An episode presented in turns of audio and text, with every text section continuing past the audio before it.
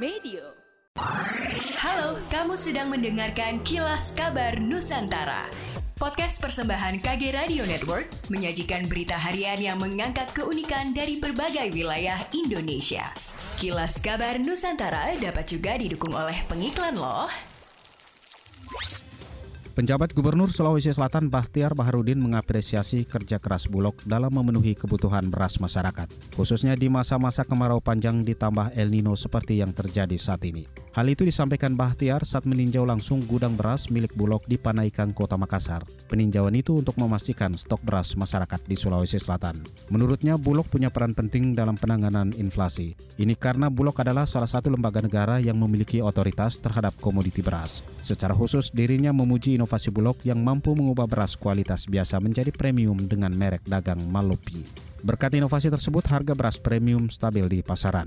Kendati demikian, pihaknya tetap berupaya maksimal dalam menstabilkan harga beras medium dengan melakukan pasar murah. Sementara itu, pimpinan wilayah Perum Bulog Sulselbar Muhammad Imron Rosidi menyampaikan ketersediaan beras cukup sampai akhir tahun.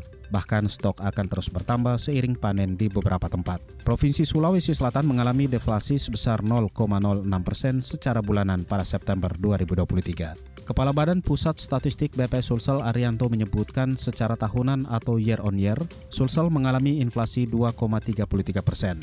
Sementara secara year to date, inflasi Sulawesi Selatan tercatat 1,54 persen. Untuk inflasi tahunan sebesar 2,33 persen dengan indeks harga konsumen IHK 115,89 poin.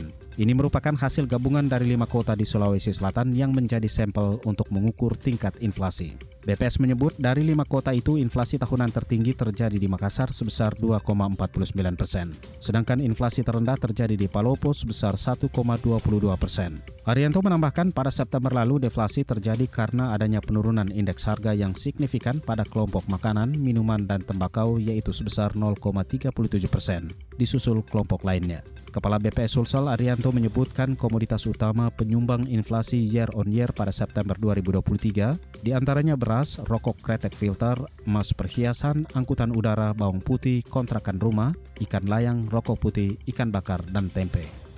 Demikianlah kilas kabar Nusantara pagi ini.